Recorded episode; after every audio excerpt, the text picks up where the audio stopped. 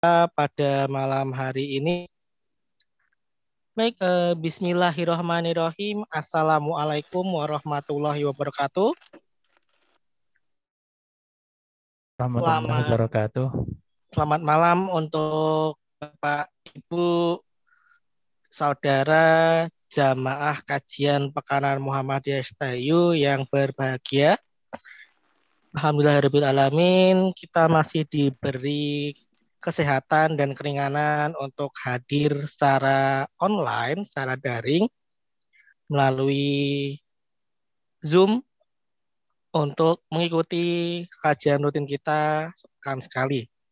Nah, eh, tema pada malam hari ini adalah lanjutan dari tema yang telah disampaikan oleh Ustadz Miftah pada bulan lalu yaitu tentang Siroh Nabawiyah. Baik, eh, sebelum kita mulai kajian pada malam hari ini, kita buka dengan lafaz basmalah, lalu kita lanjutkan juga dengan mengucap membaca surat Al-Fatihah secara bersama-sama. Baik, saya mulai nggih. Al-Fatihah. A'udzu billahi rajim. Bismillahirrahmanirrahim. Alhamdulillahi rabbil alamin. Ar-Rahmanir Rahim. Maliki yaumiddin. Iyyaka na'budu wa iyyaka nasta'in. Ihdinas siratal mustaqim. Siratal ladzina an'amta alaihim ghairil maghdubi alaihim waladdallin. Amin. Sadaqallahul adzim. Setelah kita baca bersama-sama surat Al-Fatihah. Dan sebelum itu saya mau menyapa Ustadz dulu nih ya. Ustadz Miftah sudah standby ya. Pripun Ustadz Ya, insya Allah sehat Ustadz. Baik, oke. kepada Bapak Ibu uh, seperti biasa ketika kajian berlangsung tim kami akan memberikan link memberikan link persensi untuk nanti Bapak Ibu mengisi link persensi yang telah kami sediakan. Dan nanti jika ada pertanyaan Uh, silakan Bapak Ibu bisa mengetik di kolom chat atau bisa memberikan tanda raise hand atau angkat tangan melalui tombol yang tersedia. Baik, Ustadz sudah siap untuk mengisi kajian? Insya Allah. Baik, kepada Ustadz Miftah, waktu dan tempat kami persilahkan. Monggo Ustadz. Baik. Assalamualaikum warahmatullahi wabarakatuh. Waalaikumsalam warahmatullahi wabarakatuh.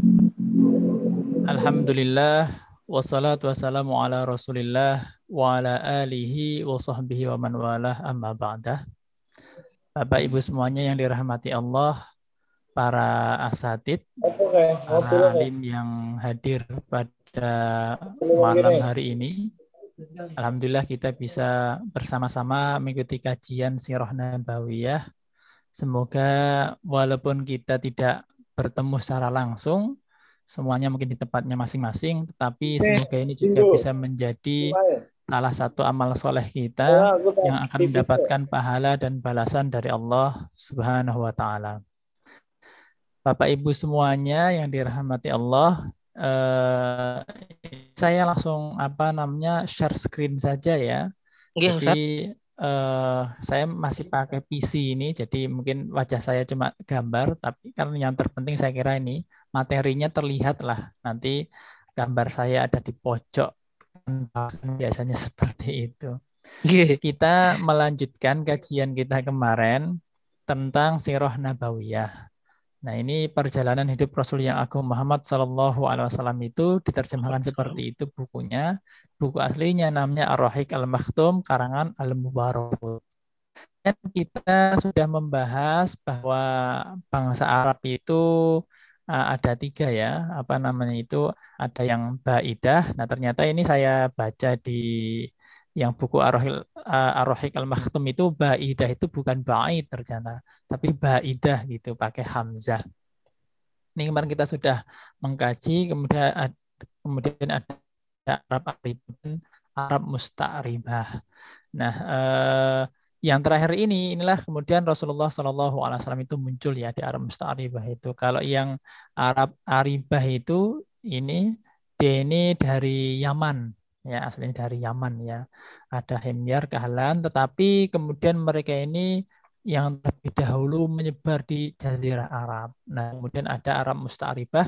Ini memang munculnya ini uh, sejak Ibu, Nabi Ibrahim alaihissalam, kemudian Ismail alaihissalam, kemudian punya istri yang kedua karena yang pertama kemarin diceraikan ya karena kurang bersyukur dengan apa namanya keluarga yang telah dia peroleh, akhirnya uh, bercerai.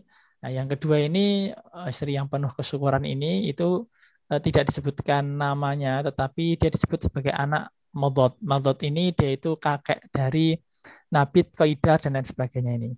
Nah, karena nanti uh, terah Nabit inilah yang kemudian nanti dia apa namanya itu uh, Nabit dan Koidarnya Nabit ini kemudian dia yang menggantikan Nabi Ismail, kemudian adiknya Koidar. Nah, Koidar ini kemudian punya anak Adnan, Adnan punya anak Ma'at, Ma'at punya anak Nizar yang kemudian beranak pinak, kemudian uh, menjadi apa yang kita sebut dengan Aram Musta'ribah itu. Yang kemudian salah satu keturunannya itu nanti Rasulullah Shallallahu Alaihi Wasallam.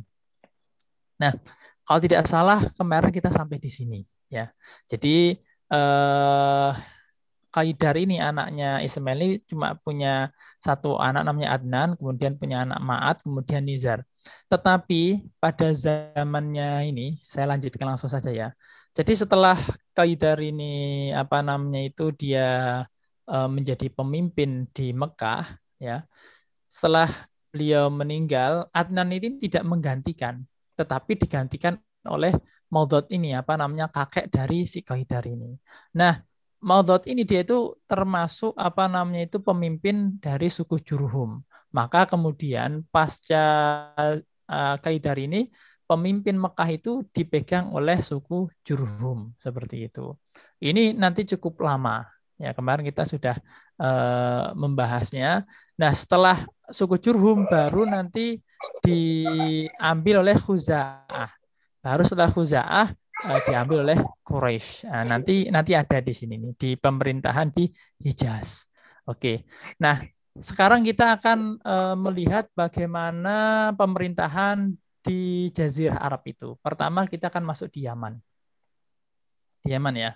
Ini eh, di Yaman ini kemarin kita ingat di sini itu awal mulanya muncul Arab Aribah ya, yang ini jadi ini kan munculnya ini kan awalnya di Yaman ya kan ini dia itu anak-anak Kahton lahir di Yaman. Nah kemudian ada Himyar, ada Kahlan. Nah Himyar ini dia menetap di Yaman ya, walaupun tentu ada menetap itu maknanya tidak di situ terus ya tentu ada penyebaran tapi penyebarannya tidak terlalu jauh seperti yang uh, terjadi pada suku Kahlan karena Kahlan ini terdesak oleh Himyar.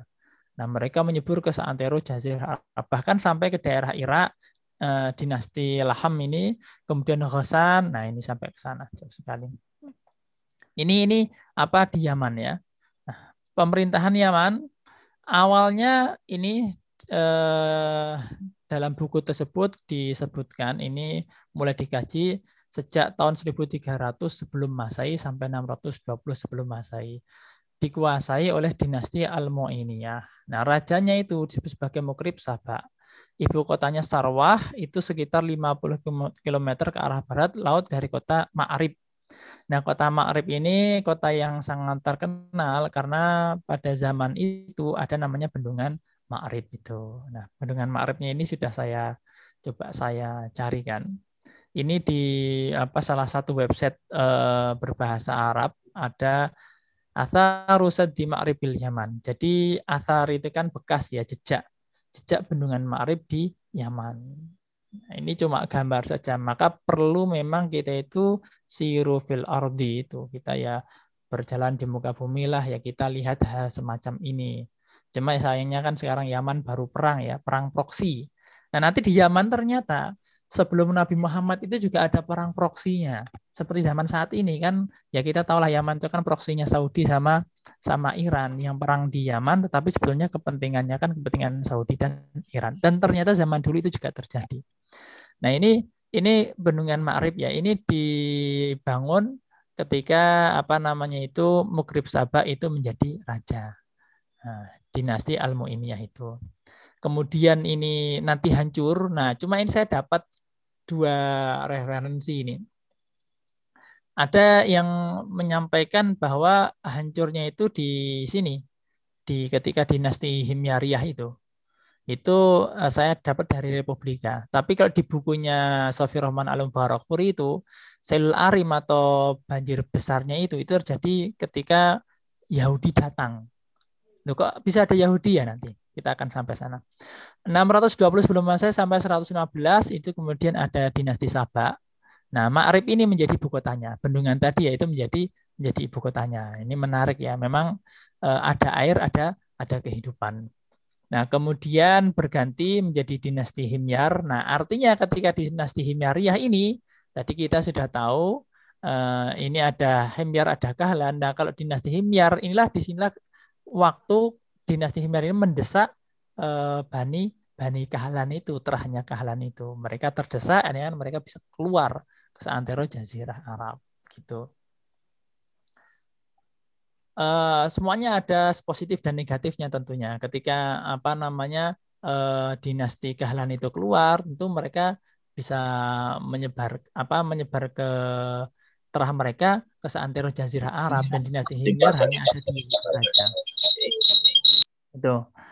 Uh, Oke, ini ini adalah masa kemerosotan karena kawasan utara Hijaz Nah, Hijaz itu kemarin kita sudah ingat ya, Hijaz itu dia eh, di daerah kalau di Jazirah Arab itu dia itu ada di sebelah apa namanya itu barat sesudah eh, Tihamah. Nah, kemarin kan ini kan ada petanya. Ini nggak apa-apa karena kita sambil memahami suatu dan kondisi ya. Nah, ini kan Tihamah itu kan ininya apa namanya dia pesisirnya. Nah, kemudian di sini ada Hijaz. Nah, Hijaz. Nah, Mekah itu kan masuk ke sini juga. Nah, Najdnya itu kan dia di tengah sini. Najd di tengah-tengah. Artinya dia daerah padang pasir ya, karena dia tidak punya pantai. Nah, gambarannya kira-kira seperti itu. Oke, kita kembali ke sini. Nah, eh, Hijaz dikuasai oleh terah Anbat. Nah, terah Anbat itu berarti terahnya anak-anaknya Nabit. Itu dari Arab Musta'ribah. Nah, Arab Musta'ribah yang dari Nabi Ismail. Nah, tadi kan ini Nabi Ismail itu kan punya putra namanya Nabit, Qaidar, Adbal dan lain sebagainya. Nah, Anbat itu kan dia jamak dari Nabit ini kayak gitu ya. Jadi terahnya Nabat itu pada masa ini apa pemerintahan Yaman itu dia banyak eh, bermukim dan menguasai daerah utara Hijaz. Kemudian bangsa Romawi menguasai jalur perdagangan laut. Ini tampaknya daerah Laut Merah itu. Kemudian terjadi persaingan antara Trahimir dan Kohton. Nah, di sinilah kemudian Trah Kohton tadi keluar dari wilayah Yaman menuju ke seantero Jazirah Arab. Nah, kemudian seperti ini. Eh, tahun 300 Masehi sampai kekuasaan Yahudi ya. Ini masih dikuasai dinasti Himyar. Kemudian bangsa Romawi memasuki kota Aden. Aden di Yaman di agak bawah. Ini dia yang memiliki pantai. Ada kemudian apa namanya batu-batuan itu namanya batu Aden kalau tidak salah itu yang warnanya oranye karena saya pernah sempat mencari-cari batu seperti apa. Nah, ini kotanya itu Aden, Yaman. Nah, Ethiopia berhasil menduduki Yaman atas bantuan Romawi. Ini yang pertama ya, ini belum masanya Abraha ini, ini belum masanya Abraha. Nah, kemudian Yaman merdeka. Eh, merdeka ini artinya penduduknya ini mereka melawan Ethiopia. Ingat, Ethiopia ini menduduki Yaman atas bantuan Romawi ya. Ethiopia itu kan eh, Nasrani. Romawi itu kan Nasrani. Nah, ini yang tadi yang saya masukkan proksi itu Romawi itu punya kepentingan untuk menyebarkan agama Nasrani, tetapi Romawi tidak langsung ke sana. Nah, dia kemudian setting supaya Ethiopia yang masuk ke Yaman. Itu yang kayak saya katakan tadi proksinya kan di situ. Nah, kemudian terjadi banjir banjir besar. Nah, saya Arim itu kekuasaan ini tampaknya nah, ketika lemah kemudian ada seseorang namanya itu Nuas yang dia juga tentu punya apa namanya pasukannya itu menyerang Najran dan membunuh warganya. Nah inilah kemudian ketika Yahudi namanya peristiwa Ashabul Ukhdud dalam surat Al-Buruj itu. Yang kemudian mereka ini eh, apa namanya dihukum, diadab karena keimanan mereka. Dalam hal ini tuh keimanan terhadap agama Kristen. Jadi eh, agama Kristen itu pada waktu itu disebut sebagai agama yang benar karena waktu itu Islam belum datang ya. Dan orang-orang Kristen yang taat ini kemudian mereka itu disisa oleh orang Yahudi. Ya, jadi dan dalam konteks ini berarti Yahudi itu yang yang salah dan Kristen itu yang yang benar. Karena nanti kalau kita uh, kembali ke cerita sebelumnya itu Yahudi itu juga pernah punya posisi betul. Eh, ketika zamannya Nabi Musa, kemudian mereka selamat dari kejaran Fir'aun, Yahudi itu kan mereka mau masuk ke Palestina. Dan di Palestina itu ada apa namanya bangsa Palestina kan bangsa yang kuat. Dan posisinya di sini adalah posisi yang yang apa namanya salah lah mereka itu yang betul Yahudi karena Yahudi itu agamanya punya nabi namanya Nabi Musa. Nah kalau sekarang kan beda sekarang itu eh, Palestina dia itu umatnya Islam, nah Yahudi itu mereka masih tetap dengan agama yang dulu dan kitabnya pun sudah ditahrif sudah diubah. Baik. Nah ini uh, sumber lain saya dapatkan dari Republika ini uh, apa namanya menurut informasi di situ ya ahli sejarah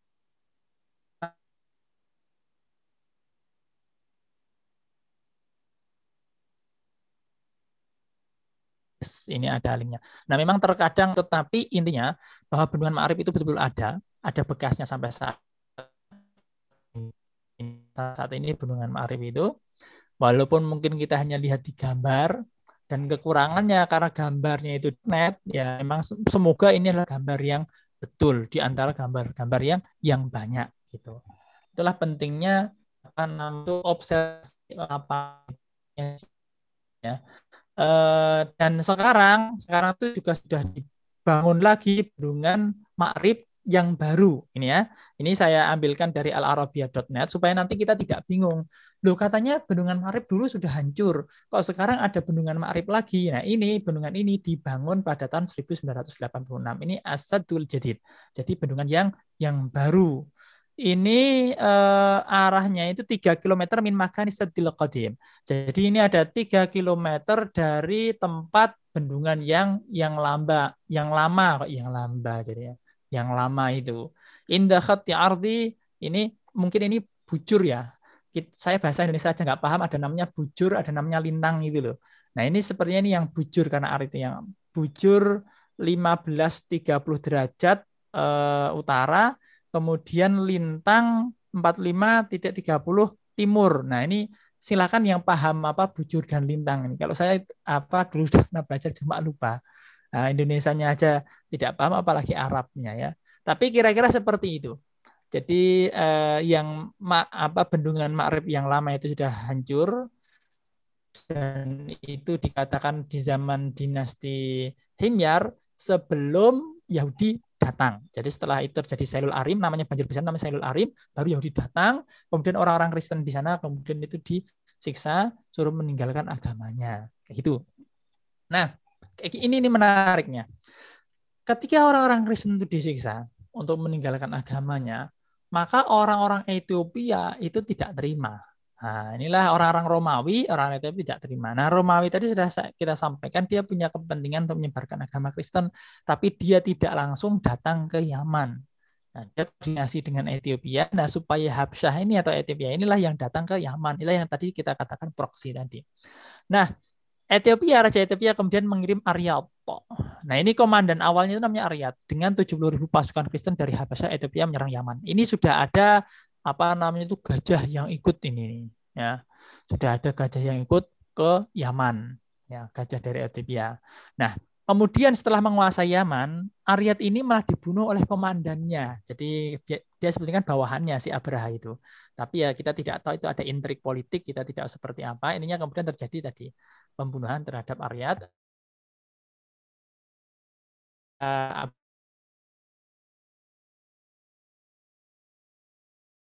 namanya itu besar, kemudian uh, ingin menyaingi Ka'bah, salah satu orang yaitu dari apa namanya seorang Arab lah ya, yaitu gereja, kemudian beri gereja itu Abraham marah tidak terima, kemudian menyerang ke Ka'bah, kemudian sampai di Muhassar itu datanglah segerombolan pasukan burung itu yang kemudian diabadikan dalam surat Al-Fil ya. Layuran ababil burung yang burung yang bergerombol. Ya ini menariknya di situ. Uh, nah, terjadi perang gajah. Abrah kemudian meninggal ketika mau kembali ke San'a.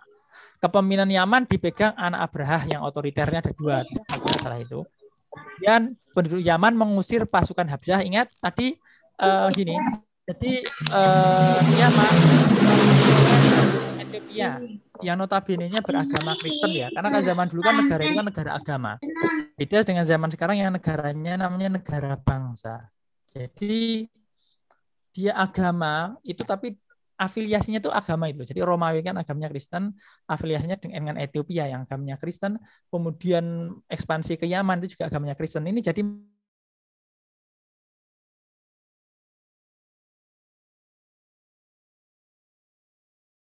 nya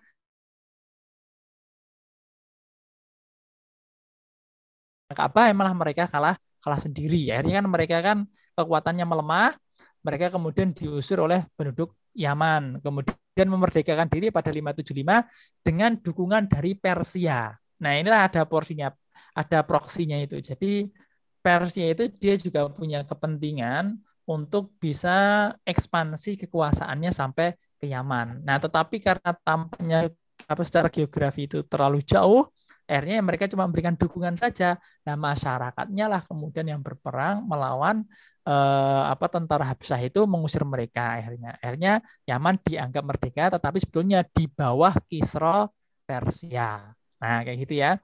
Nah, ini Yaman dipimpin oleh Ma'adi Yakrib Al-Himyari. Setelah ini ini penduduk asli yang Yamannya. Artinya kalau penduduk asli Yaman ini itu ini kan masih keturunan dari dinasti Himyar tadi. Ingat nama eh, Arab yang Aribah itu kan dari keturunan Kahtat itu kan ada dua, Himyar dan Kahlan. Ya yang Kahlan tadi kan sudah muter-muter di Arab, Himyar kan mereka mayoritas masih di Yaman. Nah, orang asli Yaman itu ya orang Himyar tadi. Sebetulnya yang asli ya Arab Aribah tadi. Cuman kan yang Aribah sudah pergi ke mana-mana ya. Kayak gitu. Nah ini Al-Himyari ini, Ma'ati Yakrib Al-Himyari ini artinya dia dari orang Himyar. Nah kemudian setelah dia mati, nah Kisra dari Persia ini memilih pemimpin yang dari pandangan mereka sendiri. Nah, kemudian pemimpin Persia atas Yaman namanya Bada ini masuk Islam pada tahun 638. Artinya 638 ini dia enam tahun setelah Rasulullah Shallallahu Alaihi Wasallam uh, wafat. Karena saya lihat itu beliau wafat 632 Masehi seperti itu. Nanti kita kita bisa cek lagi ya seperti itu. Uh, kalau kita lihat di sini berarti ini ini bukan zamannya Abu Bakar karena Abu Bakar cuma dua tahun, kemungkinan antara Umar atau Umar atau Utsman gitu. Zamannya si Bada ini dia kemudian masuk Islam. Nah ini bendungan Ma'rib tadi kita sudah apa namanya menyinggung. Ini bendungan Ma'rib yang kodim, ini yang jadid. Nah ini kemudian kita lihat posisinya saya akan besarkan dan nanti kita tahu ya. Ini Yaman ya, ini Yaman di bawah ini, Yaman di bawah kemudian ini apa namanya itu laut uh, terusan dari Samudra Hindia, ini laut merah di sini. Nah, di sinilah ini bendungan Ma'rib. Ini Anda lihat yang merah ini. Kemudian saya perbesar di sebelah kanan. Nah, di sinilah ada danau itu terlihat, itu ada bendungan Ma'ribnya. Gitu seperti itu ya. Uh, Oke, okay. sebentar ini saya kembalikan lagi. Itulah gambaran pemerintahan uh, di Yaman sebelum Rasulullah Shallallahu Alaihi Wasallam lahir. Kemudian pemerintahan di Hirah. Nah, Hirah ini uh, dia ini kalau saat ini itu tampaknya masuk negara Irak kayak gitu. Berada di apa namanya itu uh, sebelah barat dari Sungai Furat atau Sungai Efrat. Kita cek Nah, Ini ini sungai Efratnya tidak terlihat. Kita cari sungai Efrat yang terlihat. Nah, ini kata ada. Nah, ini ada Nahru Furat sama Nahru Dajlah. Nahru Furat itu sungai Eufrat. Nahru Dajlah itu sungai Tigris itu ya. Nah, kemudian ini Hirah. Hirah itu di sini. Biasanya ditulis Hirah ya kalau dalam bahasa Indonesia itu Hirah. Itu ada di barat dari sungai Furat ini. Gini ya. Nah, eh, suku Lahmid atau Lahem itu dia ada di daerah sini nih. Berarti dia itu ada di timur dari uh, Nahrul Furat. Saya tidak tahu apakah dia kemudian uh, apa namanya itu Bani Lahmid tadi melewati dari Sungai Tigris atau mereka itu di antara Sungai Furat dan Tigris saja gitu. Tapi di sini daerah daerah gitu masuk daerah Irak, daerah Irak itu. Baik. Ini di sini termasuk di tadi uh, Lahem itu dia sana gitu. Kita coba lihat mana di peta tadi yang Lahem mana kita cek. Ini supaya kita tahu posisi-posisinya. Nah ini Lahem. Ini dari Lahamid. Ini Bani Lahem ini mereka dari Arab Aribah. Mereka itu asalnya dari Yaman.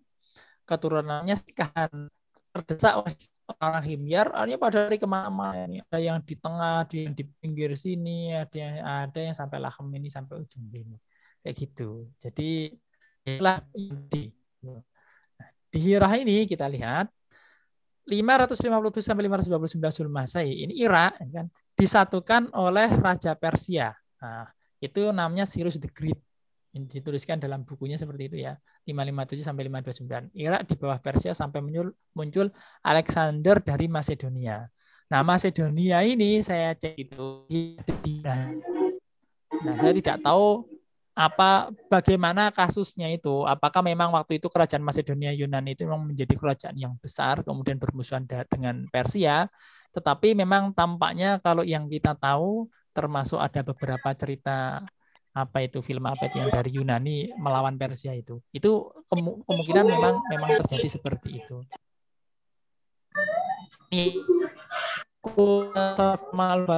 seperti ini Irak tetap di Persia sampai muncul Alexander dari Macedonia itu dari Yunani apakah Alexander ini kemudian yang disebut Zulkarnain nah itu uh, wallahu alam ya kalau sampai seperti itu ya. Tapi memang Alexander uh, the Great ini termasuk tokoh sejarah yang yang terkenal. Apakah dia adalah Dzulkarnain dalam surat Al-Kahfi itu itu saya kira ya nanti perlu penelitian tersendiri lah yang apa lebih dalam. Saya kira seperti itu ya. Oke. 326 sebelum Masehi Irak terpisah dengan Persia setelah serangan dari Alexander dari Macedonia itu. Irak menjadi negara-negara raja kecil atau muluk at-tawaif. Tawaif itu kan dari kata taifah, kelompok muluk itu jamak dari malik atau raja atau mulkun eh, kerajaan. Nah, sebagian Terah masuk ke perkampungan Irak. Nah, eh setelah Kohton ini ini tampaknya maksudnya yang Kohton dia punya anak Himyar dan Kahlan. Himyar tetap di apa namanya Yaman. Yang apa keturunannya Kahlan dialah yang kemudian masuk ke perkampungan Irak. Nah, tampaknya masuk Safir Rahman itu yang seperti itu. Karena Kohton ini dia bapaknya yang paling tua dari Arab Aribah. Nah, kemudian sebagian Terah Adnan juga menempati daerah dekat Sungai Eufrat. Nah, ini menyampaikan bahwa dari Arab Musta'ribah itu keturunan Ismail itu juga ada yang di sana gitu ya. Karena tadi beda kalau yang Arab uh, Aribah itu dia dari Yaman bawah. Kalau yang Ismail kan dari Ibrahim kan dari atas dari Palestina gitu. Jadi dia dari apa Arabnya itu Arab sebelah utara. Kalau yang Arab Aribah dia itu Arab sebelah uh, apa namanya itu bawah daerah Yaman. Bisa jadi kulitnya juga berbeda ya. Karena dari Yaman ya kemungkinan dia kulit agak coklat seperti kita lah gitu. Yang daerah utara ya bisa jadi dia kulitnya kulit putih. Nah ini. Memang ini semuanya ya memang analisis saja. Tetapi ya sampai saat ini kan ya kalau yang kita tahu daerah Katulistiwa itu ya kulitnya coklat-coklat seperti itulah. Sawo matang dan lain sebagainya. Tapi kalau apa atas itu ya ya lebih putih Kemudian tahun 226 Masehi. Nah, Persia ini kembali kuat. Kemudian dipimpin oleh Ardashir dari dinasti Sasaniyah. Ini Persia ya. Irak kemudian kembali dikuasai Persia termasuk wilayah Hirah tadi, Hirah ya. Robiah dan Mudor, Anbar dan bangsa-bangsa Arab yang ada di sana. Ini kemudian intinya mereka itu ada di bawah Persia. Nah, nanti kalau Bapak Ibu semuanya melihat filmnya apa namanya Umar itu kan menarik itu. Jadi memang Hirah itu kan dikuasai oleh Persia. Tetapi di daerah daerah situ eh, Hiroh ke barat ya agak agak agak barat itu ada perkampungan-perkampungan orang-orang Arab. Nah, perkampungan orang-orang Arab di sini ini memang eh, positifnya seperti ini. Ini bisa menahan kekuatan Romawi yang mau ekspansi ke arah timur. Karena orang-orang Romawi yang mau ekspansi ke arah timur itu mereka harus berhadapan dengan orang-orang Arab yang mereka itu notabene-nya eh, masih loyal dengan Persia. Itu kesusahan. Nah, nanti ini juga ada ini. Ini itu dari Bani Laham itu. Orang-orang Bani Laham gini. Nah, ini kan. Nah, tetapi orang apa namanya? Orang Romawi juga pinter. Di sini itu juga ada perkampungan orang-orang apa namanya? daerah Syam itu perkampungan orang-orang Arab. Tapi mereka itu adalah kaki tangan atau negara boneka dari orang Romawi. Jadi memang kekuasaan Romawi itu kemudian mereka membentuk negara boneka untuk menahan kekuatan Persia supaya ketika mereka mau menyerang Romawi mereka harus berhadapan dengan orang-orang Arab dulu yang mereka itu adalah loyal terhadap Romawi. Nah, ini apa politik-politik mereka dan itu sudah ternyata permainan semacam itu sudah terjadi di zaman zaman dahulu. Baik. Uh, Nah, ini Kudoah mengungsi ke Syam. Ya, Kudoah mengungsi ke Syam. Nanti ini ini ada ada ceritanya nanti di Syam ini yang Kudoah ini. 268 sampai 633 Masehi. Amr bin Adi bin Nasr al-Lahmi ini dari Bani Lahm ini tadi yang kita sampaikan. Berarti kan dia masih di daerah Hanu ya, uh, Eufrat, Tigris, pokoknya di atas ini, di atas uh, apa tuh ini ada apa namanya itu laut masuk ke dalam ini. Yang di sini ada Bahrain, ada Uni Emirat Arab. Ini coba nanti saya ceklah ini laut apa. Nah ini ke atas ini kan ini Bani Laham. Dia dari Arab uh, Aribah ya, dari Yaman gitu, keturunan dari Kahlan gitu. Oke, uh, dinasti ini uh, bin Nasir al-Lahmi menjadi penguasa Hirah dan Anbar di bawah Kisra. Nah, jadi dia itu intinya tetap di bawah oh, walaupun mereka itu orang Arab tetapi tetap di bawah per Persia. Kalau saat ini Eh, negara mana yang seperti itu mungkin ya nanti bisa kita kaji lebih jauh. Dinasti Lahmi berkuasa atas Hirah sampai era Qabas bin Fairuz. Pada masa Qabas, Hirah digubernuri oleh Al-Mudir bin Mas Os sama. Kemudian dilanjutkan oleh keturunan sampai Nu'man bin Mundir. Nu'man digantikan Iyas bin Qafi Atai. Kemudian, nah ini intinya sampai Atai ini, ini masih orang-orang dari Bani Laham gitu. Nah kemudian eh, diganti oleh orang Persia. Azazbah agak susah ya itu. Nah, tetapi ini kemudian dari keluarga Laham ini kembali berkuasa, termasuk di dalamnya Mundir bin Uqman ini kembali berkuasa tahun 632 eh, Masehi. Nah, 632 Masehi ini kan Nabi Muhammad Shallallahu alaihi wasallam itu kan eh, meninggal kemudian 8 bulan kemudian Khalid datang mengalahkan Ali Laham 633 ini zamannya Abu Bakar. Jadi zaman Abu Bakar itu kan Khalid apa eh, setelah Abu Bakar menjadi khalifah, orang-orang banyak yang tidak mau zakat, ada yang murtad, nah, kemudian mau tidak mau harus diatasi dan salah satu cara mengatasinya itu harus dengan mengangkat pedang. Nah, Khalid itu kan kemudian dikirim termasuk dia kemudian eh, ke tengah daerah Najd termasuk Najd itu Yamamah itu daerah Najd ya. Kita masuk eh, Nah, ini ada Hijrul Yamah ini di tengah sini ya. Nah, ini ini kan masuk daerah Najd. Nah, ini tengah ya Najd. Nah, Lahem itu ada di atas ini sebelah utara ini. Setelah dia ke Yamama, kemudian dia terus sampai dia itu ke Hirah ini, sampai ke Hirah. Nah, Khalid bisa menang sampai ke sana. Dan di sinilah kemudian ada peristiwa yang unik. Saya kira ini kita juga perlu tahu karena ini juga sudah biasa dikaji di kalangan akademisi ya. Jadi itu juga di film Umar itu ada. Kalau Bapak Ibu bisa lihat film Umar yang biasa diputar di bulan Ramadan itu loh. Jadi waktu itu eh, kan eh, Khalifah Umar dengan para eh, sahabat itu dan Abu Bakar ini masih masa Abu Bakar ya. Mereka kan berapa namanya itu berdiskusi. Nah, waktu itu Ali bin Abi Thalib bilang ini, ini saatnya kita bangsa Arab bersatu untuk melawan Persia. Nah, jadi orang-orang Arab di sini yang dijadikan boneka oleh Persia itu, itu kemudian disatukan. Nah, di situlah kemudian ada orang apa namanya itu Islamnya, ada orang Kristennya yang kemudian mereka bahu membahu atas nama Arabisme itu. Nah ini di dunia misi terkadang ini juga sering di Memang kemudian Arab melawan Persia bangsa, tetapi tetap kalau ini misinya itu tetap misi misi Islam. Karena setelah dikuasai namanya eh, Islamlah yang di sini yang berkuasa seperti itu. Nah, orang-orang yang non muslim tadi itu ya dia memang ikut saja gitu ya. Seperti itu. Nah, ini di Hiroh seperti itu ya. Nah, uh, setelah Khalid bin Walid eh, menguasai Hiroh, menguasai Hiroh, sebentar ini HP saya sepertinya tinggal sedikit saya cas dulu ya.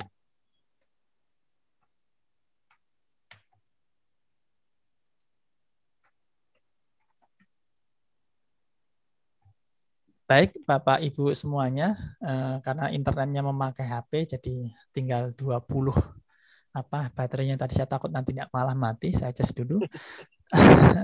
saya lanjutkan ya.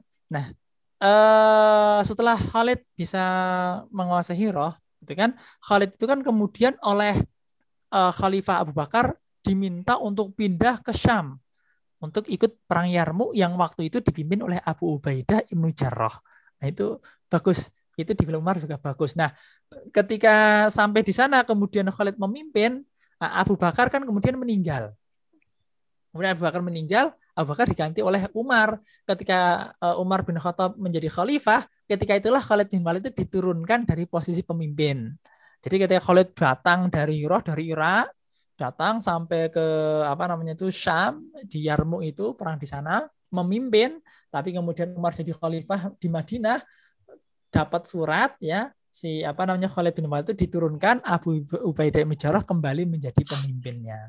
Nah, tapi yang kemudian Khalid bin Walid ya dia tetap apa namanya menerima itulah inilah bagusnya uh, peristiwa ini ya peristiwa dari sahabat ini. Jadi walaupun dia besar, walaupun dia seorang komandan ya tetap sami'na sami'na wa ata'na. Padahal kalau dari segi strategi dan peperangan jelas Abu Ubaidah dengan Khalid jelas kalah ya jelas menang Khalid. Ini kira-kira seperti itu ya. Jadi ada kaitannya tadi Hira sudah dikuasai, kemudian uh, ke Syams. Syam itu kan dia masuknya ini sebentar. Biar nanti bapak-bapak apa namanya bisa juga memahami ya. Nah, Syam itu kan di sini. Jadi Palestina ini tuh hanya Israel ya, sebenarnya kan Palestina. Ini kan di sini kan ada tepi barat itu kan Gaza kan. Di Gaza ini tepi barat ini. Di sini yang ditulis Israel ini loh. Nah, ini kemudian ada Jordan, ada Libanon, Syria. Nah, ini kan masuk semuanya masuk Syam. Nah, di sini ini ada namanya Bani Ghassan. Nah, ini Bani Ghassan yang mereka itu orang Arab, tetapi mereka jadi Kristen. Nah, nanti kalau bapak-bapak lihat di film Umar tuh bagus ketika Bani Adi, nanti ada ini Bani Adi itu dia eh, mendapatkan bagian untuk masalah safar. Safar itu kedutaan masalah duta-duta itu dari Bani Adi yang me, yang mengatur. Nah Umar itu kan akhirnya dia pernah pergi ke Syam. Nah di Syam dia ketemu dengan temannya dari orang Habasan ini. Mereka ini orang-orang Kristen karena kawasan Romawi, orang Arab yang dijadikan boneka oleh Romawi. Kayak gitu. Gitu ya. Apa namanya? Itulah yang yang terjadi. Oke, sekarang Hira saya kira sudah di Syam. Nah, tadi uh, ini kan tadi lari dari apa namanya uh, Hiroh ya tadi. Nah ini kota tahun 226 ini kan ketika apa namanya Persia kembali kuat, Kudoah itu kan mengungsi ke Syam. Nah inilah kemudian Kudoah masuk ke Syam seperti itu. Nah Romawi menjadikan Terah Kudoah sebagai raja-raja boneka untuk menahan invasi Persia ke arah barat. Nah ini ini disebutkan oleh apa Al Mubarak Furi. Jadi Mubarak Furi tampaknya dia juga sudah melihat apa namanya mengkaji sejarah ini ada perspektif politiknya sebetulnya. Jadi kepentingan apa namanya itu Romawi menjadikan Kudoa sebagai raja-raja boneka. Tetapi akhir abad kedua ini suku Gosan mengalahkan Kudoa. Akhirnya karena Gosan bisa mengalahkan Kudoa ya gampang saja Romawi menjadikan suku Gosan sebagai penguasa di Sam dan raja boneka oleh Romawi itu. Nah, Romawi tinggi itu saja yang menang Gosan ya Gosannya saja yang dijadikan sebagai boneka kayak gitu. Nah ini Gosan ini akhirnya akhirnya kalau namanya rekan-rekan apa namanya kembali tadi di peristiwa Yarmuk tadi ketika terjadi perang Yarmuk itu nah orang-orang Ghassan ini melihat mereka kayaknya lebih senang berada di bawah kekuasaan Islam daripada kekuasaan Romawi. Karena ketika Islam berkuasa Islam itu kan tidak tirani. Mereka tetap menghormati masyarakatnya ya. Walaupun dia orang yang tidak Islam ya dia tetap dihormat dia cuma bayar ini saja. Apa namanya kalau seperti ini saya berikan logika seperti ini bapak-bapak ibu semuanya. Logikanya seperti ini. Kita ini kan wajib ronda gitu kan ya kalau di masyarakat kita ini di kampung gitu lah. Lah yang tidak ronda dia kan harus membayar jizyah kan? Nah, seperti harus membayar pajak kalau tidak ronda. Bayar banyak tidak rendah sekali yang bayar sepuluh ribu. Kan di kampung-kampung kita kayak gitu. Ini itu wajar saja. Nah uh, umat Islam dia kan wajib berjihad nah orang-orang yang tidak orang-orang Kristen yang tidak berjihad ini akhirnya mereka bayar pajak. Nah jadi logikanya seperti itu. Seperti itu. Ini ini mudahnya. Ya gitu ya. Ini jadi uh, ini menjadi raja boneka. Ketika perang Yarmuk, tadi saya sudah sampaikan perang Yarmuk itu pertama dipimpin oleh Khalid bin Walid, kemudian Umar bin Khattab itu menjadi khalifah, Khalid diturunkan Abu Ubaidah bin Jarrah itu kemudian menjadi khalifahnya. Nah, kemudian kita menang itu juga dibantu oleh orang-orang Ghassan seperti itu. Kemudian Abu Ubaidah bin uh, Jarrah di situ menjadi gubernurnya. Kemudian pada akhirnya itu terjadi itu wabah taun itu wabah penyakit. Yang kemudian Umar ketika mau ke Syams ditahan di luar gerbang kemudian ditahan. Lu kenapa saya kok ditahan? Saya mau masuk ke Syams tapi kok kenapa kok ditahan di luar gerbang? Padahal saya adalah khalifah. Kemudian diceritakan oleh Abu Ubaidah bin Jarrah bahwa di kota itu baru ada wabah kemudian Umar memilih pulang dibilang oleh Abu Ubaidah bin Jarrah kenapa kamu lari dari takdir ya Umar menjawab saya itu lari dari takdir menuju takdir yang yang lain. Kemudian uh, Abdurrahman bin Auf menyampaikan hadis Rasulullah barang siapa apa namanya itu dalam kota itu didatangi ada wabah, maka orang dalam kota itu tidak boleh kemudian keluar keluar dari kota tersebut dan orang yang dari luar kota juga tidak masuk ke kota tersebut. Nah, seperti itu akhirnya masalahnya clear, Umar kembali ke Madinah, Abu Ubaidah bin Jarrah kembali ke Syam setelah menunggu di luar gerbang Syams tadi. Itu itu yang apa namanya terkait dengan Syams ya. Nah, kemudian ini di Hijaz. Oke. Oke, Hijaz itu sini ini. Ini kita lihat. Uh, sebelum kita lebih jauh mungkin uh, perlu pemahaman seperti ini bahwa pembatasan-pembatasan kota itu dia berubah beriringan dengan perjalanan sejarah. Itu yang harus kita pahami. Contoh mamanya di Indonesia itu dulu ada namanya karesidenan. Nah, sekarang ada namanya provinsi. Nah, provinsi itu sejak saya sampai saat ini ya itu kita sudah melewati namanya ada namanya pemekaran. Katakanlah dulu Provinsi Riau itu luasnya segitu. Sekarang Provinsi Riau sudah jadi dua. Padahal belum ada satu abad. Ya, ya kan Indonesia itu kan belum ada satu abad, tapi provinsinya sudah berkembang. Jadi berubah-ubah. Nah ini ini kan awalnya Hijaz kayak gini. Ini kan nanti juga berkembang, pecah-pecah-pecah terus. Jadi itu saya kira bisa dipahami ya. Apa namanya kalau ada kayak gini. Nah yang terkadang menyulitkan. Sekarang Hijaz itu mana? Kita sama saja mencoba memahami batas-batas kota yang ada di zaman dahulu. Nah ini kan eh, ada kesulitan tentu karena nanti seperti ini saya saya di sini pun di peta yang saya dapat pun ini akhirnya dia kebalik ini. Ini ya, Anda lihat Syahar ini Hadramaut itu ini ada Yaman. Kemudian ada Hadramaut, ada Muhirrah, ada Syahar. Syahar itu di sini dia dekat Oman. Tapi di peta yang lain Syahar itu dia dekat di sini, dekat Aden, dekat Son'a. Nah, justru Hadramautnya yang di sebelah barat. Nah, ini karena yang gambar peta orangnya berbeda, ya terjadi semacam ini. Memang saya kira ini termasuk ilmu tersendiri lah apa menggambar peta apalagi peta peta zaman dahulu. Namun ini menjadi perkiraan kita saja prediksi ya kira-kira seperti inilah gitu. Kalau nanti mau lebih detailnya yaitu tentu memang harus ya penelitian yang betul-betul mendalam dan itu harus dilakukan oleh ahli sejarah yang khusus ya. Tapi ini peta yang kami dapatkan seperti ini, ini mungkin sementara bisa kita pakai. Nah, Hijaz itu di sini nih Hijaz. Nah, kita masuk di Hijaz. Nah, Mekah itu masuk di situ. Oke, saya percepat karena saya mungkin targetnya jam 9 selesai saja. Dan itu besok sudah bisa berganti judul. Nah, pemerintahan di Hijaz. Itu pertama masa Ismail. Nabi Ismail, kemudian punya Nabit, anak punya anak Nabit, punya adik namanya Qaidar, Kemudian adanya si Qaidar itu punya anak namanya apa namanya Adnan. Adnan punya anak namanya Ma'at. Ma'at punya anak namanya Nizar. Dari sinilah kemudian keturunan Adnan itu apa berkembang. Ya. Adnaniyah itu. Nah, Rasulullah itu termasuk di keturunan ini. Nah, keturunan ini adalah keturunan Arab Musta'ribah. Tadi ya kita sudah sampaikan ya. Nah, ini Ismail mengurus Ka'bah sepanjang hidupnya, diganti oleh Nabit, kemudian Qaidar, kemudian diambil oleh mertua Ismail. Mertua Ismail ini dia kakeknya si Qaidar itu. Namanya Maudad bin Amr al-Jurhumi. Dia dari suku Jurhum. Jadi ketika Nabi Ismail dan Siti Hajar itu ditinggal oleh Ibrahim, ada suku yang datang itu suku Jurum ke sana.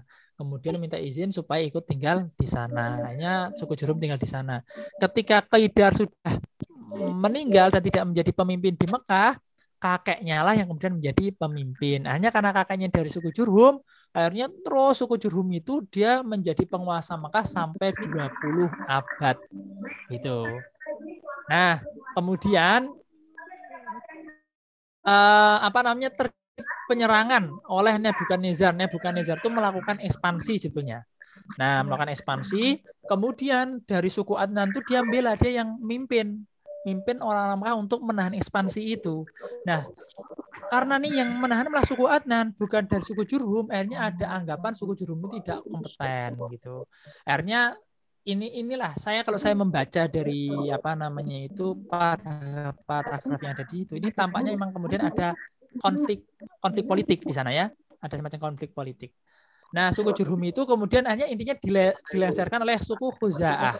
Nah, suku Khuza'ah ini dibantu oleh salah satu suku dari Bani Adnan, yaitu Bani Bakar bin Abdul Manaf. Bin Kinana. Kemudian Khuza'ah itu berkuasa di Mekah selama 300 tahun. Hmm. Kemudian ini suku Quraisy belum apa-apa ini. Nah, suku Quraisy itu ada keturunannya namanya Kusai bin Kilab. Kusai bin Kilab itu menikahi putrinya dari orang Huza'ah yang menjadi pemimpin. Ketika pemimpinnya si Hulal itu meninggal, kemudian Quraisy menang perang melawan Huza'ah dan Bani Bakar. Seperti itu. Nah, Kusai bin Kilab ini dia menjadi penguasa dari Bani Quraisy dan menjadi penguasa Mekah yang yang baru. Nah, tampaknya memang Kusai bin Kilab itu dia memiliki apa namanya keahlian leadership yang bagus. Nah, dia kemudian mendirikan sebuah apa namanya itu uh, majelis di masjid sebuah apa namanya itu kayak balai RT lah gitulah balai gitu di sekitar Ka'bah yang dinamakan dengan Darun Nadwah. Itu menjadi tempat musyawarah.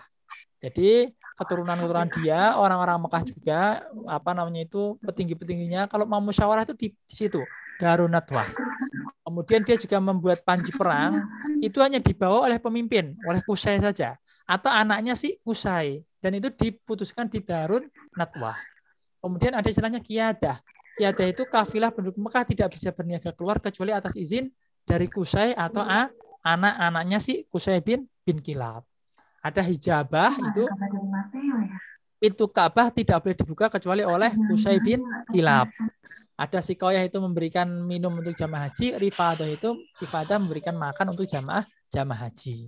Kayak gitu. Nah, Kusai juga mewajibkan kharaj atau pajak untuk warga Quraisy diberikan pada Kusai untuk menyiapkan makanan bagi jamaah haji tadi, gitu ya.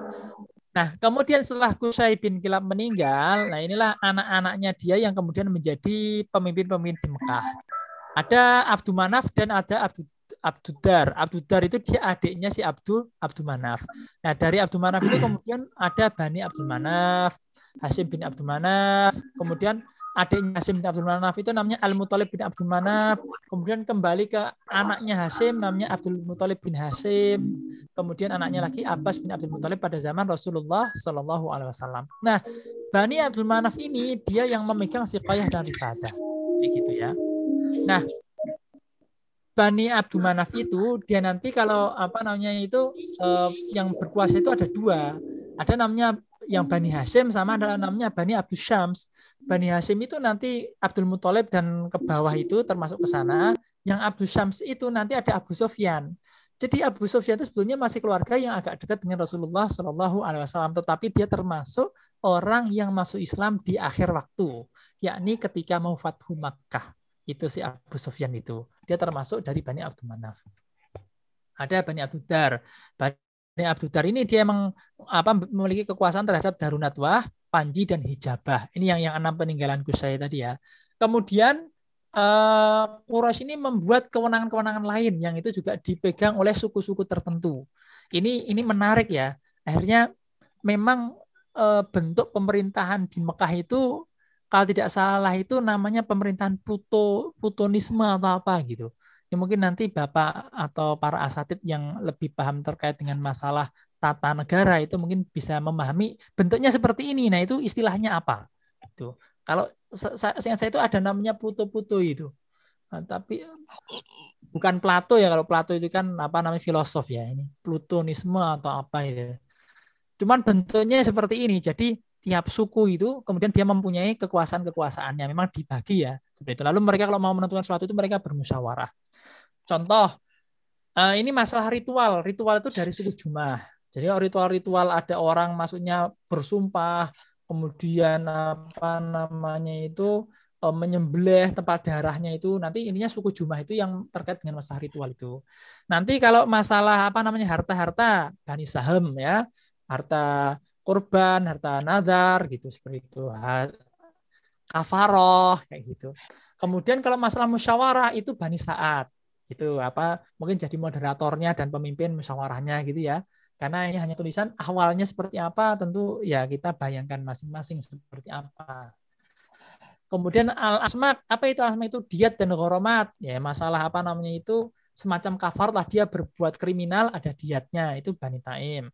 Ikob itu pemegang panji dari Bani Umayyah. Obah peraturan militer dan menunggang kuda dari Bani Mahzum. Nah Khalid bin Walid itu dari Bani Mahzum. Nah, makanya ya pantas kemudian Khalid bin Walid itu dia sangat terbiasa dengan masalah peperangan ya karena memang apa keluarganya dia itulah keluarga yang memang memegang panji masalah peperangan itu. Pokoknya masalah peperangan itu masalah militer, nunggang kuda, kuda itu kan ya seperti kalau zaman sekarang mungkin seperti tank gitu ya, itu dari keluarga mereka. Ya, pantaslah kemudian dia hebat di sana. Nah, masalah pendutaan atau safarah itu dari Bani Adi, itu Umar Umar Ibn Khattab. Seperti itu. Ini kira-kira bentuk pemerintahannya seperti ini nanti apa namanya bisa kita bayangkan lah di Hijaz itu. Nah kepercayaan bangsa Arab.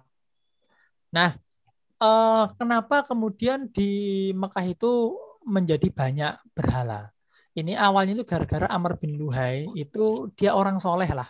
Inilah kemudian yang menjadi apa titik eh, peringatan bagi kita dalam sebuah hadis dikatakan seperti ini Fadlul abid alal alim kafadlul qamari lailatal badri ala sairil kawakib.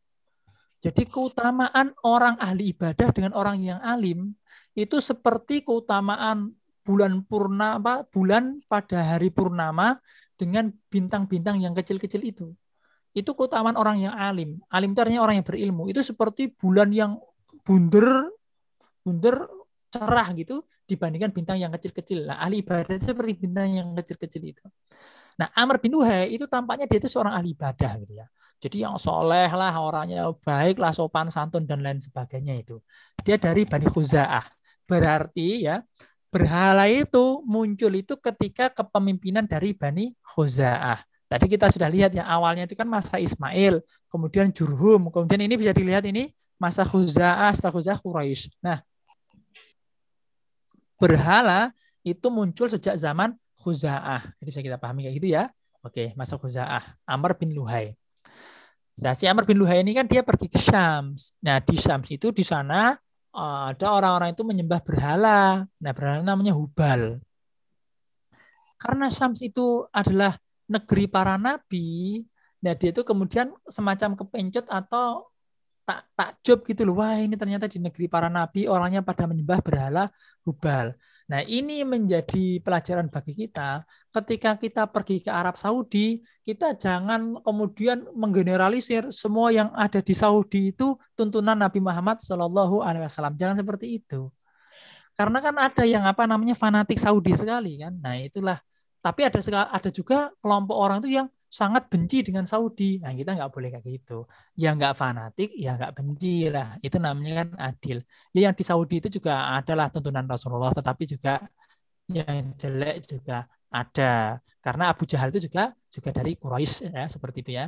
Jadi inilah kemudian yang terjadi si Amr bin Luhai itu pergi ke Syam melihat ini sebagai Ardul Ambia seperti itu. Akhirnya melihat wah ini kok ada berhala Hubal. Ini dianggap suatu hal yang baik dibawa ke Mekah. Nah setelah itulah nambah lagi di ada berhala manat itu di Musallal itu daerah dekat Laut Merah, ada Lata di Taif, ada Uza di Wadi Nakhlah. Nah akhirnya inilah tambah-tambah terus apa namanya berhalanya sampai ketika Fatu Makkah itu jumlah berhala di sekitar Masjidil Haram itu 360 berhala. Itu yang di sekitar di sekitar Masjidil Haram, belum di rumah-rumah dan lain sebagainya. Itu. Nah, ini kan awalnya dari situ. Maka kita juga jangan apa sering menggeneralisir kayak tadi ya. Wah ini Saudi baik semua jangan seperti itu juga. Maka kita memang diajarkan untuk arujuk ilal Quran wa sunnah, tentu kembali kepada Al-Quran dan sunnah, tentu memahaminya juga dengan dengan ilmu yang yang mumpuni lah ya. Jadi karena ketika hanya rujuk Al-Quran wa sunnah saja, kemudian kita tidak mengembangkan keilmuannya, ilmu apa saja? Ya kalau Quran dan Sunnah itu kan ya pakai bahasa Arab ya pasti bahasa Arabnya itu juga memang harus kemudian uh, kita pelajari dan terus kita pelajari kita matangkan. Karena ternyata memang luas ya walaupun hanya ilmu bahasa. Kemudian termasuk ilmu-ilmu yang dikembangkan oleh para ulamanya ilmu ilmu Quran usul fikih itu memang harus menjadi alat-alat yang kita gunakan mengkaji Quran dan hadis itu. Baik Nah, kemudian ini ada contoh ragam ritual masyarakat jahiliyah. Ya, mereka punya ragam ritual menyembelih hewan untuk berhala. Ini ayatnya ada bisa dibaca nanti. Sesajen, ada ritual bahiro, saibah, wasilah dan ham. Ini ini uh, ini terkait dengan hewan. Jadi memang lucu ini kadang ya tradisinya itu ada onta dia punya anak 10 lah kalau punya anak sampai kok 10 laki-laki terus ya. Nanti ada kemudian ritual bahiroh atau saibah itu atau kambing. Kambing kok punya anak laki-laki terus sampai eh punya maaf bukan laki-laki perempuan ya. Punya anak betina terus 10 lah itu nanti ada wasi, wasilah dan ham itu. Jadi ya kayak gitulah pokoknya. Ada ritual-ritual semacam itu. Kemudian berhala dijadikan sebagai perantara. Kemudian ada juga tawaf telanjang gitu kan. Jadi kalau mau tawaf itu laki-laki itu harus memakai pakaian apa itu? Saya lupa ada di bukunya itu, cuman tidak saya tulis di sini. Kalau dia tidak ada pakaian itu, maka dia harus menanggalkan bajunya. Artinya tawafnya sambil telanjang. Maka kemudian ada ayat ini, ya Bani Adam khudu zinatakum inda kulli masjid itu. Ya, jangan seperti itulah intinya kan kayak gitu. Itu yang terjadi di masyarakat jahiliyah. Kondisi sosialnya, Ya, kondisi sosialnya itu nikahnya itu uh, banyak ragamnya. Ada nikah yang seperti saat ini datang datang kepada walinya, nembung anaknya itu ada. Ada yang kayak gini juga suaminya dia udah punya istri, istrinya suruh sana kamu berhubungan dengan laki-laki itu. Harapannya kayak gini, nanti kalau dia berhubungan dengan laki-laki itu, anaknya bagus itu untuk memperbaiki keturunan. Atau seandainya nanti laki-lakinya itu kemudian tidak mau sama istrinya, ya sudah istrinya disuruh nikah sama laki-laki yang berhubungan tadi. Ada kayak gitu. Kemudian ada yang kelompok laki-laki menggauli seorang perempuan, makanya ada lima orang laki-laki, ayo bareng-bareng menggauli perempuan itu. Nah, nanti perempuan itu hamil, kemudian memilih, perempuan itu memilih, ah laki-laki yang mana yang ingin saya saya pilih. Nah, inilah yang apa namanya bagi mereka itu sepertinya biasa saja. Ini ini ini problem sosial tuh kayak gitu. Jadi kadang apa ya? Ini, saya tidak tahu istilah sosialnya itu apa, tapi kadang cara pandang manusia itu kan tidak bisa lepas dari uh, di mana dia hidup. Ketika mereka hidupnya dalam situasi dan kondisi seperti itu, hanya dia akan menganggap bahwa kayak gitu tuh biasa saja. Inilah bahayanya. Yang kita takutkan seperti ini loh maksudnya. Kalau kita hidup ada yang berzina. Karena lama-lama kita biasa gitu berarti tampaknya kita ini nanti biasa jadi ya seperti zaman jahiliyah itu loh. Wah orang uh, dan itu kan terjadi. Karena saya kan kita kita ya kita kan kadang ada yang lihat film itu loh. Kok filmnya kayak gitu kan bukan suami bukan istrinya. Tapi kan lama-lama uh masyarakat kita menjadi biasa. Masyarakat sekarang kita biasa aurat terbuka. Nah inilah ini ini kita memang ya ini ketakutan kita tampaknya ini kita ke arah sana juga. Nah, tentu dakwah kita harus kita kuatkan juga. Ya artinya eh, ke sananya ternyata arah ke sana juga kuat, yang kita dakwah juga harus harus berkuat supaya menyeimbangi bahkan kita bisa lebih kuat. Nah, di moral itu sebetulnya mereka memiliki sifat-sifat yang apa namanya eh, baik ya, yang positif lah. Saya tidak mengatakan baik karena kalau baik nanti kan seperti albir karena albir itu kan manitako. Albir itu kan menjadi sebuah apa namanya itu lafal atau kata yang dia memang khusus untuk apa pokok-pokok kebaikan di agama kita ya. Ini aja yang uh, perilaku yang positif. Contoh, perilaku positif itu seperti murah hati. Tetapi motivasinya itu atau yang mendorong mereka murah hati itu untuk kebanggaan dan kesombongan diri. Nah, ini ini kan bedanya di situ. Contoh namanya ada tamu, kemudian dia murah hati dengan tamunya itu ingin menghormati tamu itu supaya dia bisa bangga dan dirinya itu seperti besar gitu loh. Nah, dia punya cuma onta satu pun dia akan sembelih. Bahkan arti, artinya seperti ini, bahkan dia mau hutang pun dia dilakoni untuk hutang. Nah, ini nanti bisa dibaca di apa bukunya itu menempati janji, harga dirinya tinggi, tekannya artinya dia mereka apa namanya secara moral itu juga sikap-sikap positif itu ada, cuma memang motivasinya itu yang motivasi yang terkadang itu menjadi tanda kutip atau pertanyaan seandainya dilihat dari perspektif agama agama kita. Nah kita sampai di nasab Nabi saya percepat. Di nasab ini ada tiga. Pertama nasab Nabi Muhammad sampai Adnan itu nasabnya disepakati. Kayak gitu ya nasab disepakati. Tetapi kalau dari Adnan sampai Ibrahim itu diperselisihkan nasabnya.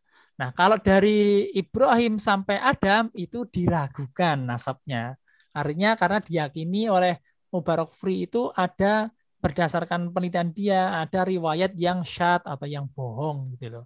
Maka riwayatnya diragukan. Kalau yang dari Adnan sampai Ibrahim itu ya diperselisihkan artinya antara ahli sejarah itu memperselisihkan itu. Saya lanjutkan, Abdul Muthalib ini kakeknya Nabi, uh, punya istri namanya Fatimah binti Amr bin Ais. Dia dari Bani Mahzum. Bani Mahzum itu ya ada Khalid bin Walid, ada kemudian apa namanya Abu Jahal bin Hisham, gitu kan? Seperti itu. Nah ini ini nanti menjadi menarik karena akhirnya kalau orang-orang Mahzum mau apa namanya itu berbuat jelek kepada anak keturunan Abdul Muthalib, keluarganya si Fatimah itu kan nanti belum tentu ridho. Nah itu maksudnya kan seperti itu. Nanti ketika terjadi intrik di zamannya Nabi itu loh. Di zaman Abdul Muthalib itu ada dua peristiwa. Pertama penggalian sumur Zam-Zam. Ini bermimpi, kemudian menggali sumur. Di sana ada beberapa peninggalan dari suku Jurhum. Ingat tadi Jurhum berkuasa di Mekah setelah Ismail, kemudian Khuzah, kemudian Quraisy ya. Kemudian ada kedatangan pasukan gajah itu juga di zamannya Abdul Muthalib itu apa namanya 50 sampai 55 hari sebelum Nabi Muhammad Shallallahu alaihi wasallam lahir. Kemudian anak dari Abdul Muthalib itu adalah Abdullah menikah dengan Aminah binti Wahab bin Abdul Manaf bin Zuhar bin Kilab. Ini bukan kilah kilab ya. Oke, kemudian mereka berdua melahirkan anak Nabi Muhammad Shallallahu Alaihi Wasallam. Terakhir yang kami sampaikan, jadi eh, peristiwa burung ababil itu terjadi di Wadi Mahsir ini antara Musdalifah dan Mina. Tadi saya coba cari ini ternyata ada ini bagusnya. Ini ini kan haram di sini ya maka nah ini uh, Musdalifah di sini, Musdalifah di sini kemudian apa namanya uh, Mina ada di sini. Ini Mina ini antara Musdalifah dan Mina ini ada namanya Muhassar. Nah, di sinilah di daerah sinilah kemudian pasukan Abraha itu didatangi oleh gerombolan burung, kemudian dikenai oleh batu-batu yang berapi itu. Baik, eh, saya kira hanya ini yang kami sampaikan pada malam hari ini. Ini mengakhiri tema tema kita tentang eh, apa namanya itu eh, sebelum kelahiran Nabi Muhammad Shallallahu Alaihi Wasallam. Insya Allah bulan depan kita akan masuk di uh, masa kelahiran Nabi Muhammad dan masa kecil Nabi Muhammad Sallallahu Alaihi Wasallam. Bapak-bapak, ibu-ibu yang dirahmati Allah, para asatid, para alim yang berbahagia, saya kira hanya ini saja yang kami sampaikan. Kami mohon maaf seandainya ada beberapa kesalahan dari tutur kata kami, karena manusia tidak mungkin ya lepas dari kesalahan-kesalahan. Astagfirullahaladzim. Wassalamualaikum warahmatullahi wabarakatuh. Terima kasih. Waalaikumsalam warahmatullahi wabarakatuh. Terima kasih kepada Ustadz Miftah atas materinya pada malam hari ini. Baik kepada Bapak Ibu hadirin kajian Pekanan Muhammadiyah Dayu bagi yang ingin bertanya bisa menuliskan pertanyaannya di kolom chat atau bisa memberikan tanda raise hand atau angkat tangan pada tombol yang tersedia di Zoom. Baik, eh, sebelum sampai ke materi pertanyaan, kami ingin berterima kasih pada pihak-pihak yang telah mendukung jalannya kajian rutin Pekanan Muhammad Dayu kepada Muhammad Mualimin Diah Yogyakarta kepada Lazmus Dayu Angkatan Muda Muhammadiyah Dayu serta Majelis Tablih Pimpinan Cabang Muhammadiyah Dayu dan supportnya juga paling besar terhadap Mualimin TV. Nah, kajian pada malam hari ini juga disiarkan secara live streaming melalui YouTube channel Mualimin Jogja.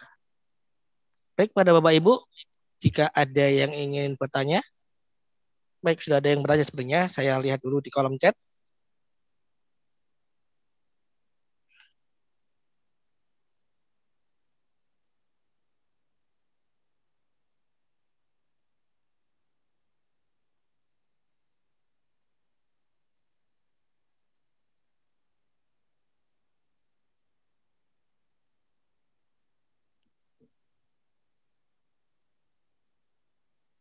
Oh, ternyata belum ada. Kita masih menunggu. Jika ada yang ingin bertanya, monggo. Kalau tidak ada ya tidak usah dipaksakan bertanya Ustaz. Oke, saya kasih kita masih menunggu sekitar dua ya. dua satu sepuluh ya.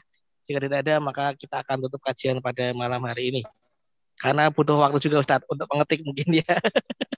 Oke, siap.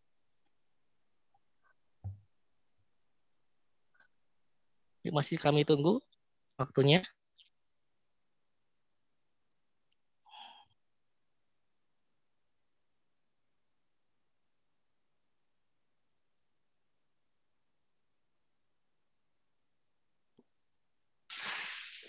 Kalau tanya langsung bisa nggak ya? Wah, sangat bisa Ustadz. Oh iya. Monggo, dari siapa nggih? Ye, dari Sahrir, Sahrir, Mualimin. Oke. Pak Sahrir, monggo Pak Sahrir. Uh, Assalamualaikum Ustaz Miftah. Waalaikumsalam warahmatullahi wabarakatuh. Waalaikumsalam Ustaz. Ye, saya mau tanya ini tentang karakteristik dari masing-masing apa namanya? Uh, keturunan. Jadi Rasulullah itu kan masuk dalam kelompok Bani, maksud saya Bani, Bani ya, Bani apa itu? Uh, Bani Hasim, terus Bani mana lagi, Bani mana? Itu di di masyarakat Arab itu masing-masing Bani itu ada karakteristiknya nggak? Karakteristik kelompok keluarga itu, karakteristik uh, kepribadiannya maksud saya. Ya itu dulu.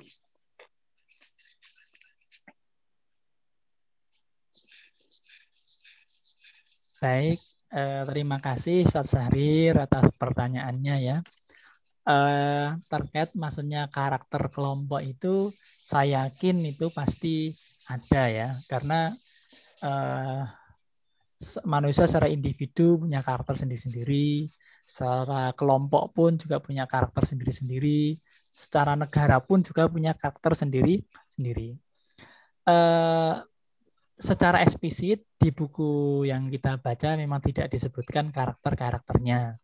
Tetapi hanya disebutkan apa namanya eh, salah satunya ini mungkin ketika kita membahas di pemerintah di Hijaz ini bisa terlihat ya di screen sharing saya itu eh, beberapa suku itu memang mereka diberikan apa namanya itu otoritas terhadap hal-hal uh, tertentu. Ada yang dia memiliki otoritas terkait dengan masalah uh, peperangan atau militer, menunggang kuda. Jadi apa namanya itu eh, kemampuan-kemampuan masalah peperangan. Nah itu di Bani Makhzum. Tampaknya Bani Makhzum itu memiliki karakter yang lebih lebih kuat, keras secara apa mana itu uh, militer lah yang mungkin seperti orang-orang TNI itulah yang karakternya beda dengan sipil lah seperti itu ini kemungkinan karena mereka memiliki otoritas di sana. Tetapi tidak disebutkan secara eksplisit di buku ya ini cuma apa namanya opini kita sajalah apa namanya melihat dari apa yang mereka miliki atau mereka apa yang mereka punya otoritas itu. Itu Bani Mahzum. Nah, nanti kan ada seperti Abu Jahal yang orangnya keras seperti itu. Ada Khalid bin Walid seperti itu. Nah, kalau apa namanya eh, dari Bani Adi itu kan ketuanya kan Umar bin Khattab seperti itu. Yang mereka itu punya apa namanya otoritas as-safarah atau pendutaan.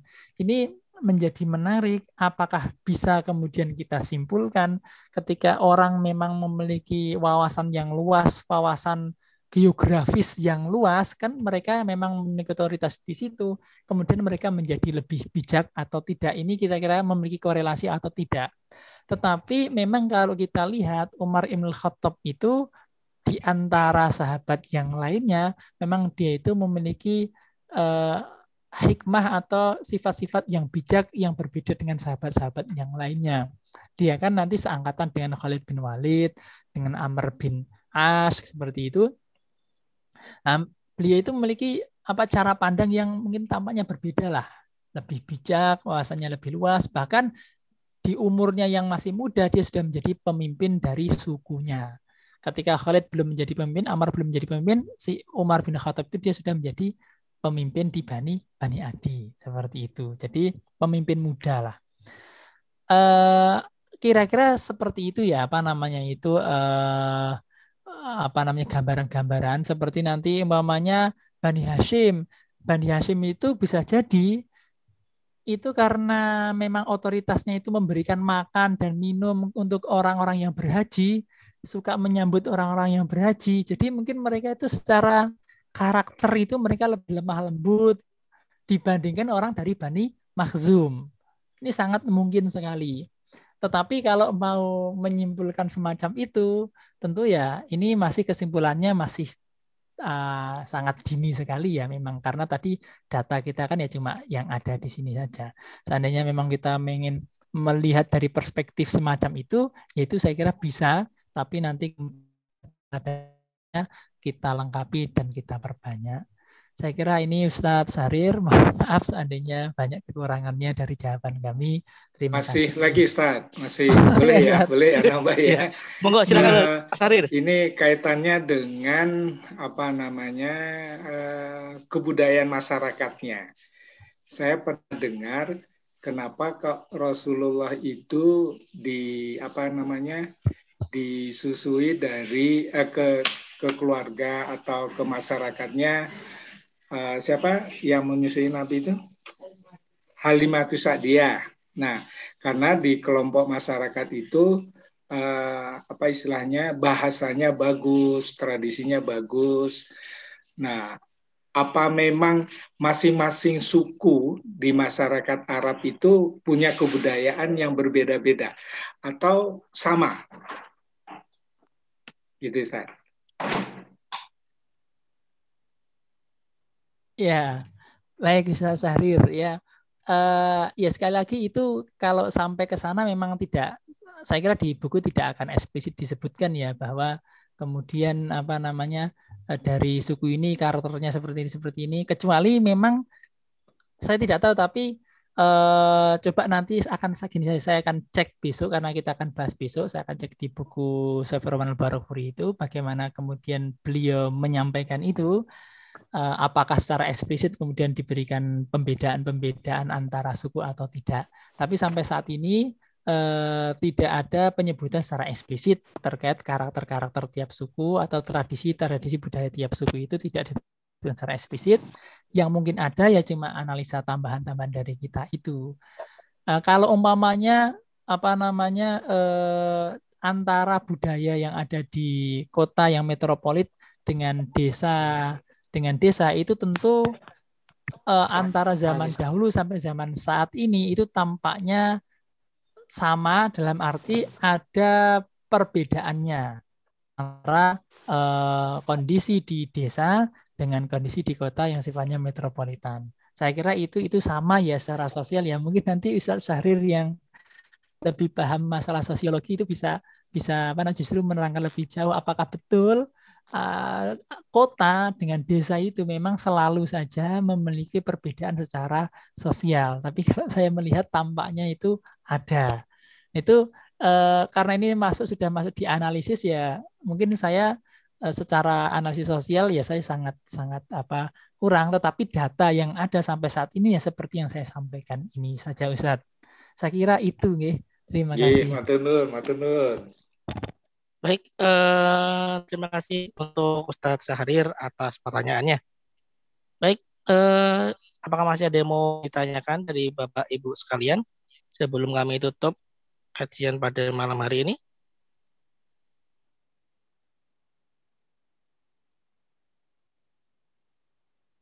Ya, karena tema tentang sejarah Rasulullah, sejarah Nabi itu memang cukup bisa membuat pikiran terlalu dalam ya untuk berpikirnya. Karena memang eh, ini materi yang cukup berat bagi saya pribadi ya. Ya, Mas, semoga- nek materinya bisa di-share ya. Yang kemarin bulan yang lalu filenya ini Siap. loh, menarik ya Bisa. filenya. Nggih, nggih, Ya. nggih, nggih. Iya. Ya, nanti akan Iya, kami nanti ini share. saya share di saat Bayu nggih, di grup. Nggih, Iya. siap Ustaz. Nanti untuk materi-materi kajian ini akan kami sediakan link di Google Drive. Jadi Bapak Ibu eh, bisa mendownload file-file materi kajian Pekan Muhammad Dayud melalui link tersebut. Mulai dari kajian-kajian sebelumnya sampai kajian yang terakhir itu bisa diakses di situ. Kalau videonya Mas, videonya link kalau mau apa istilahnya kita mau download videonya. Oh, kalau mau lihat videonya bisa dilihat di YouTube Lazismu Sedayu, Pak. Oh iya, Ini oke juga berlaku di Ya, untuk Bapak Ibu sekalian, ya, Eh, oke. semua file-file kajian, video dan audio eh, kalau untuk video bisa di-download di channel YouTube Lazismu Sedayu. Kalau mau mendengarkan rekaman kajiannya bisa lewat Anchor. Gitu. Oke, jangan khawatir bagi Bapak Ibu yang melewatkan eh, kajian pada hari tertentu itu bisa, sudah kita upload semua di situ. Eh, mungkin tidak tidak ada lagi nggih yang mau ditanyakan. Ya, eh, terima kasih sebenarnya kepada Ustadz Tahilmi atas materi yang luar biasa pada malam hari ini. Semoga eh, apa yang disampaikan oleh Ustadz Miftah menjadi ladang amal bagi Ustadz Miftah dan barokah bagi kita semuanya. Amin. ya. Amin. Eh, karena waktu juga yang akan memisahkan kita pada malam hari ini, eh, marilah kita tutup kajian kita pada malam hari ini dengan mengucap lafaz hamdalah dan doa penutup majelis bersama-sama. Alhamdulillahirabbil alamin. Subhanakallahumma wa bihamdika asyhadu an la ilaha illa anta astaghfiruka wa atubu ilaik. Ya, sekali lagi kami mengucapkan terima kasih kepada Studio Mualimin yang telah menyiarkan kajian secara live streaming melalui YouTube dan dukungan dari Mualimin Muhammadiyah Yogyakarta dan tak lupa juga kepada Majelis Tabligh Pimpinan Cabang Muhammad Sedayu, Lazis Musdayu dan Angkatan Muda Muhammadiyah Sedayu. Dan eh, jika Bapak Ibu juga berkenan dan mendukung kegiatan kami, silahkan berdonasi melalui Lazis Musdayu agar kajian-kajian bisa tersiarkan kepada Bapak Ibu.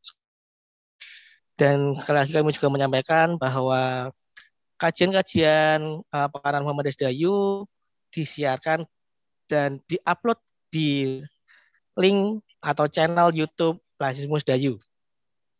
Baik, eh, kami tutup eh, kajiannya. Mohon maaf sebesar-besarnya jika ada kesalahan dalam penyampaian kajian pada malam hari ini. Semoga Bapak Ibu sekalian senantiasa diberi kesehatan agar dapat ikut terus kajian Pekanan Muhammad Dayu. Billahi fisa haq fastabikul khairat. Wassalamualaikum warahmatullahi wabarakatuh. Waalaikumsalam warahmatullahi wabarakatuh.